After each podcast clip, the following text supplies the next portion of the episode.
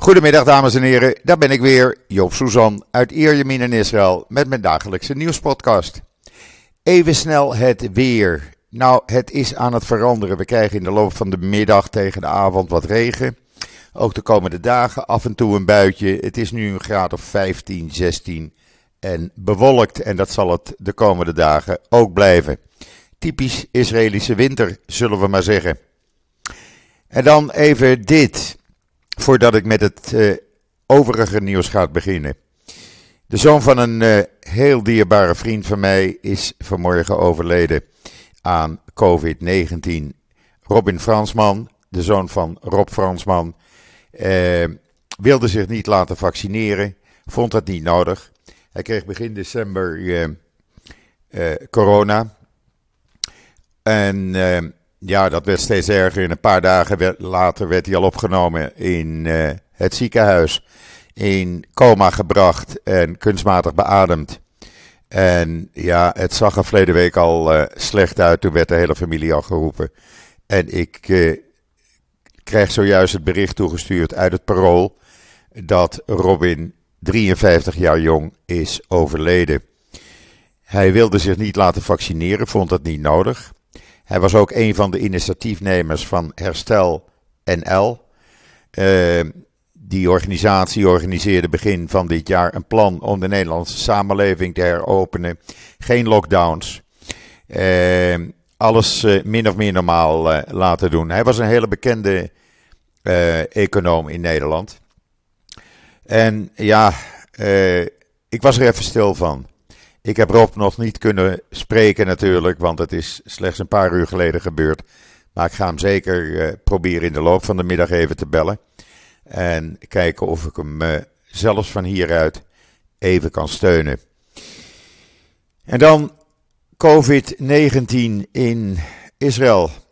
Gisteren 2967 nieuwe besmettingen. Er zijn nu 17.000 uh, 260 actieve viruspatiënten. Dat zijn er 1773 meer in nog geen 24 uur. Maar het goede nieuws is dat er slechts 141 mensen in het ziekenhuis liggen. Dat zijn er vier meer dan op maandag. 88 zijn er ernstig ziek, dat zijn er drie meer dan uh, op maandag.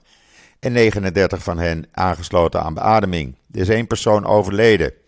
En dat is een vrouw die zeer waarschijnlijk besmet was met de Omicron-variant. Ze was wel gevaccineerd, eh, had ook een booster gehad, maar had ook onderliggende problemen. Daarnaast zijn twee niet gevaccineerde viruspatiënten in kritieke toestand in het ziekenhuis opgenomen. Eén is er aangesloten aan de beademing. En nog eens zes andere Omicron-patiënten zijn ook opgenomen. Die zijn minder ernstig ziek maar toch voor alle zekerheid in het ziekenhuis, waarvan er ook twee niet gevaccineerd waren en vier waren geheel of gedeeltelijk gevaccineerd. Het ministerie deelde ook nog mee dat van de duizend bevestigde Omicron-patiënten, eh, nee, dat er duizend eh, Omicron-patiënten terugkwamen uit het buitenland. Dus dat zijn Israëli's die Omicron in het buitenland hebben opgedaan. 86% van alle ernstig zieke patiënten zijn volgens het ministerie niet gevaccineerd. Eh, terwijl van de onder de 60 jaar, eh, 60-jarige leeftijd in de ziekenhuizen 96% niet gevaccineerd is. Eh, ik heb er ook een grafiek bij gedaan, dan kunt u het zien op uh, israelnieuws.nl. Ja, en dan is er hier natuurlijk die discussie over wel of geen vierde vaccinatie. Ik heb gisteren meegedeeld dat uh, een test is begonnen in het Sheba Medical Center. Uh, maar ja, experts op het ministerie van Volksgezondheid hier in Israël, die zeggen ja, er moet toch een vierde vaccinatie komen. Want uh, er zijn 850.000 Israëli's van boven de 60 jaar die vier maanden geleden of langer zelfs hun booster hebben gehad. En nog eens 260.000 die drie maanden geleden die booster hebben gehad. En de werkzaamheid van die booster is aan het afnemen. Uh, dus daar moet iets aan gedaan worden. Uh, ja, Of dat gaat gebeuren, uh, ik weet het niet. Men denkt toch aan het, zeg maar, eerst de uitwerking van die testen zien. En eens kijken wat daar gebeurt. Dat is over een week of twee bekend. Er zijn 150 mensen, gevaccineerde medewerkers van het ziekenhuis, van het Sheba Center. En als dat goed uitpakt, dan zullen wij waarschijnlijk een vierde vaccinatie ook gaan krijgen. Ik heb mijn uh, vierde vaccinatie, of derde vaccinatie, al op uh, eh, 24 augustus gehad. Dus ja, het wordt een keertje tijd, maar ik wil uh, zekerheid hebben voordat ik me laat vaccineren voor de vierde keer. En dan het goede nieuws is dat premier Bennett heeft bevestigd dat vandaag 100.000 COVID-19 pillen van Pfizer aankomen. Of dat zijn pillen tegen COVID-19. Die, die werken erg goed. Want alle onderzoeken hebben aangetoond dat het aantal ziekenhuisopnames en sterfgevallen met bijna 90% afneemt bij patiënten die het meest waarschijnlijk uh, ernstig ziek worden. Dus dat is goed nieuws. Uh, het zijn de eerste 100.000, er zijn er nog meer besteld. Bennett heeft afgelopen zondag gesproken met de CEO van Pfizer. En uh, heeft toen de deal afgerond. En dan in Engeland waren er gisteren 129.471 nieuwe besmettingen. En in Frankrijk bijna 180.000 nieuwe besmettingen. Het gaat maar door en het stopt niet. En ja, experts nu in Israël zeggen heel duidelijk: uh, de Omicron-golf die stopt pas nadat massa mensen zijn geïnfecteerd. Uh, ja, je moet het zo zien, zeggen zij, uh, deze vijfde golf, de Omicron-golf, met een griepvirus, dat slaat ook hard toe. En uh, ja, pas als veel mensen de griep hebben, het griepvirus onder de leden hebben, dan neemt de griep weer af. En men zegt, vergelijk die Omicron-variant nu maar. Het is niet meer te stoppen. Het is nutteloos om uh, nog reisbeperkingen vanuit 15 landen te laten doorgaan. Daar kan je beter mee stoppen. Er is toch niets meer aan te doen. Een groot gedeelte van Israël zal besmet raken. helemaal als er honderdduizenden mensen in het weekend oud en nieuw gaan vieren. Dat heet hier dan Sylvesterfeesten. En dat gebeurt dan vaak in hotels en bij mensen thuis. Ja, dan zal je kort daarna veel nieuwe besmettingen krijgen. Eh, Omicron eh, zou wel eens de epidemiologische overgang kunnen zijn van een pandemie naar een endemie, zegt eh, professor Levine. En uh, Eren die heeft gisteren rondgetwitterd, ik heb hem ook rondgetwitterd, althans zijn tweet geretweet, dat Omicron in ieder geval ervoor gaat zorgen dat de Delta-variant min of meer wordt uitgeroeid. Maar ondertussen lopen de ziekenhuizen in Israël vol. Niet met Omicron-patiënten, maar met grieppatiënten. Veel mensen, de meeste mensen, hebben zich niet laten vaccineren. En uh, ja, ziekenhuizen lopen gewoon vol. Het ziekenhuis in Naria zegt: we hebben zelfs de eetruimtes moeten ombouwen tot ziekenhuiskamers. Eh, het kan niet meer. Er komen honderden mensen per dag naar het ziekenhuis met griep. Er liggen nu 1088 mensen in het ziekenhuis met de griep. 401 daarvan zijn kinderen en 70 zijn zwangere vrouwen. Eh, vaccineren tegen de griep, het helpt. En dan even wat andere nieuws. De Netto supermarkten in Duitsland heeft zijn eerste kassaloze supermarkt geopend. Ontwikkeld door Trigo, een computervisiebedrijf uit Israël. Je hoeft dan niet meer eh, langs de kassa. Als je wat pakt en je doet het in die mandje, wordt dat automatisch in een app in je telefoon geregistreerd. En je loopt gewoon de winkel uit, waarna je uh, automatisch betaalt. Zo simpel werkt dat. De video kunt u zien in israelnieuws.nl. Het zou wel eens de toekomst kunnen gaan uh, betekenen. En uh, ja, wie weet hoe snel we dit allemaal gaan zien in, ja, overal ter wereld eigenlijk. Niet alleen in, in Duitsland, maar Nederland, Israël, overal. Hoef je niet meer in de rij te staan voor de kassa. En dat is natuurlijk geweldig nieuws. En dan moet ik even een slokje water nemen. En dan ben je ook meteen verlost van die lange, zaggerijnige rijen.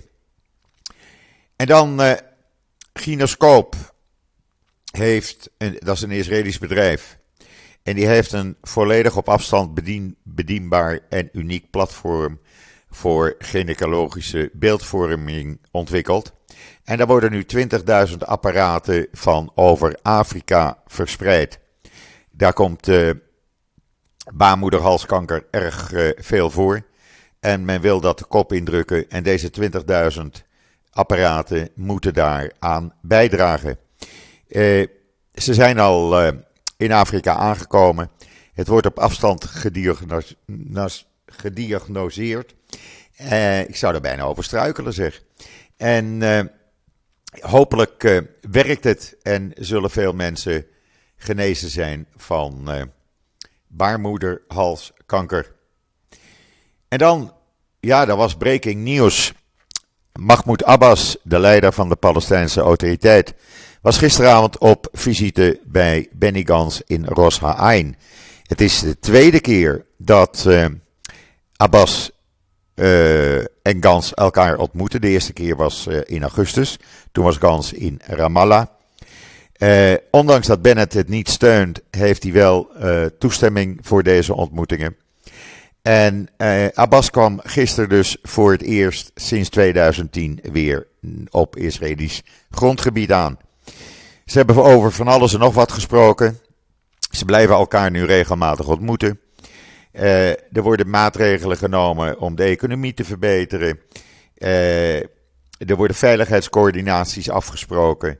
Het handhaven van de regionale stabiliteit en al dat soort dingen meer. Ook terreur en geweld wordt aangepakt.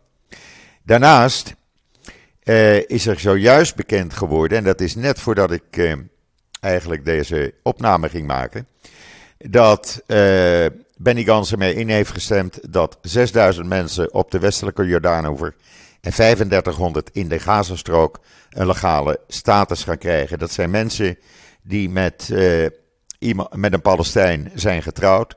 Uh, dat wordt niet erkend door Israël.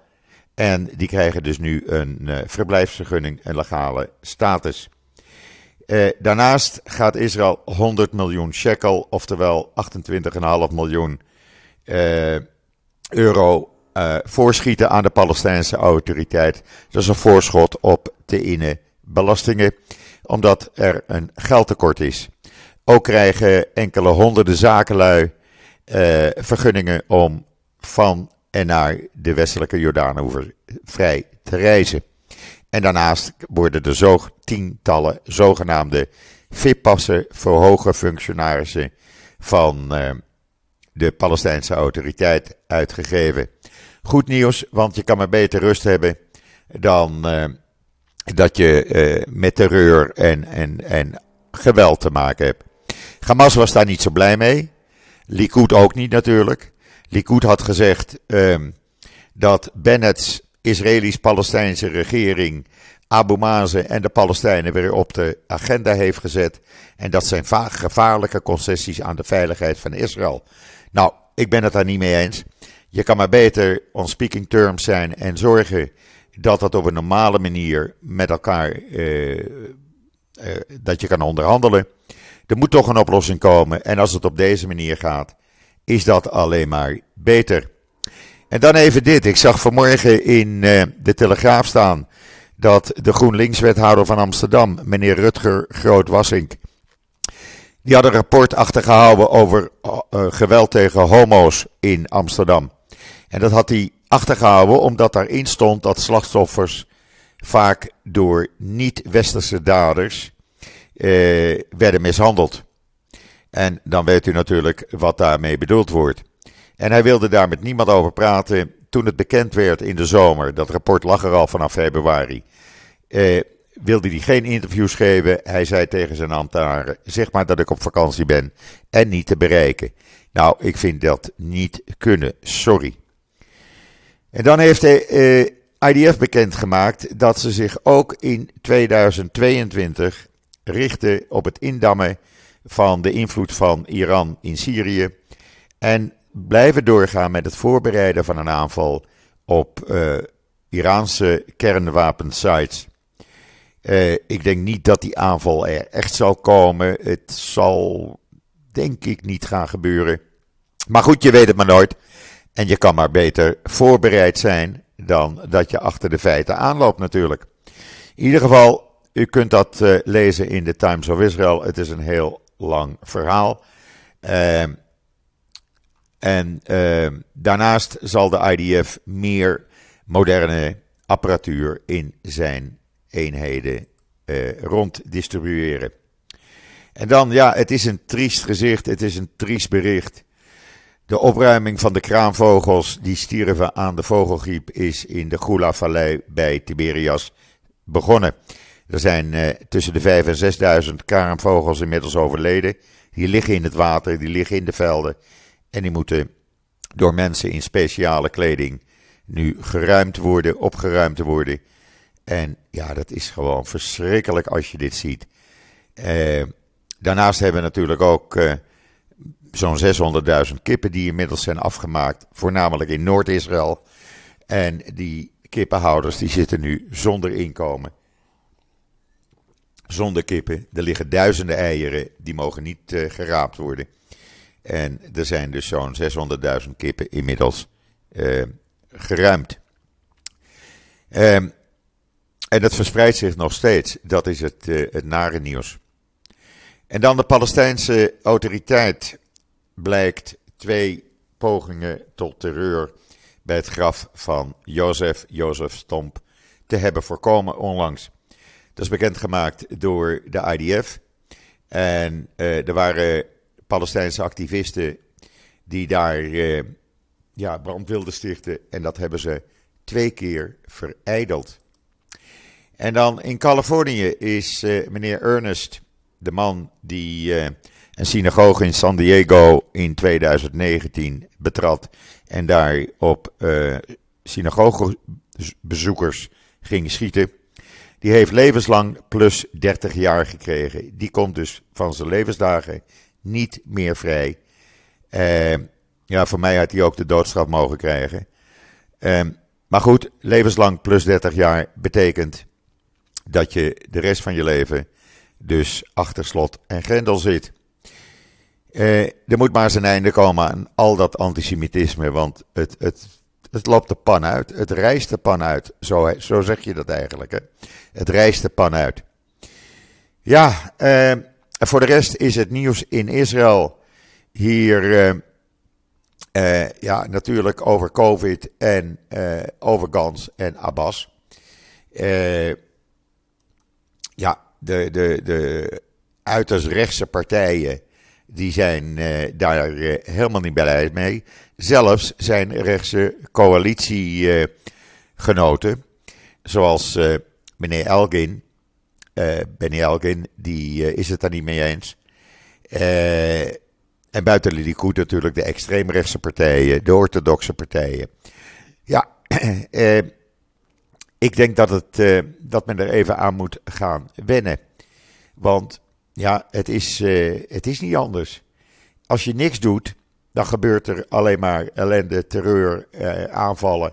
En als je wel iets doet, als je wel met elkaar praat, dan kan je dus proberen op die manier terreur tegen te gaan. Want met terreur is, daar is niemand van gediend. En zelfs als het Abbas betreft, die nou niet echt als een vriend van de Joodse bevolking uh, bekend staat, ja, dan nog moet je maar met hem gaan praten. En dan is het voor de rest alleen maar COVID, Omicron, wat de klok slaat. De televisiejournaals besteden er elke avond zo'n 20 minuten aan. Ehm, met allerlei uitleg en allerlei experts die uh, in beeld komen. Een aanrader voor u, als je Twitter hebt, volg Eran Seagal. Hij is een van de top-experts in Israël. Hij adviseert ook de WHO. En zijn uh, uitleg is heel duidelijk. Uh, vertaal het anders even met Google Translate. Uh, vaak doet hij het ook in het Engels. En zijn voorspellingen komen ook altijd uit. Dus hou Iran Sigal even in de gaten. Volg hem op Twitter. Ik doe het wel in ieder geval en ik zal het jullie laten weten. ja, dit gezegd hebbende brengt mij dat tot het einde van deze podcast. Nog even een dienstmededeling. Ik ga vanavond mijn keukentafel schoonmaken, want morgen zit ik met Esther, eh, Esther Voet van het NIW aan de keukentafel. Heeft u vragen, stuur ze aan Esther, stuur ze aan mij even via een DM'tje op Facebook en Twitter. En we zullen ze uh, gaan beantwoorden. En uh, ja, ik maak de keukentafel schoon. Esther komt eraan zit, uh, erbij zitten en jullie zijn allemaal uitgenodigd om morgen gezellig met ons eh, te luisteren naar wat wij te bepraten hebben. Rest mij u nog allemaal een hele fijne voortzetting van deze woensdag, de 29 oktober, uh, december, toe te wensen. Ik ben er morgen weer, samen met Esther, en zeg tot ziens, tot morgen.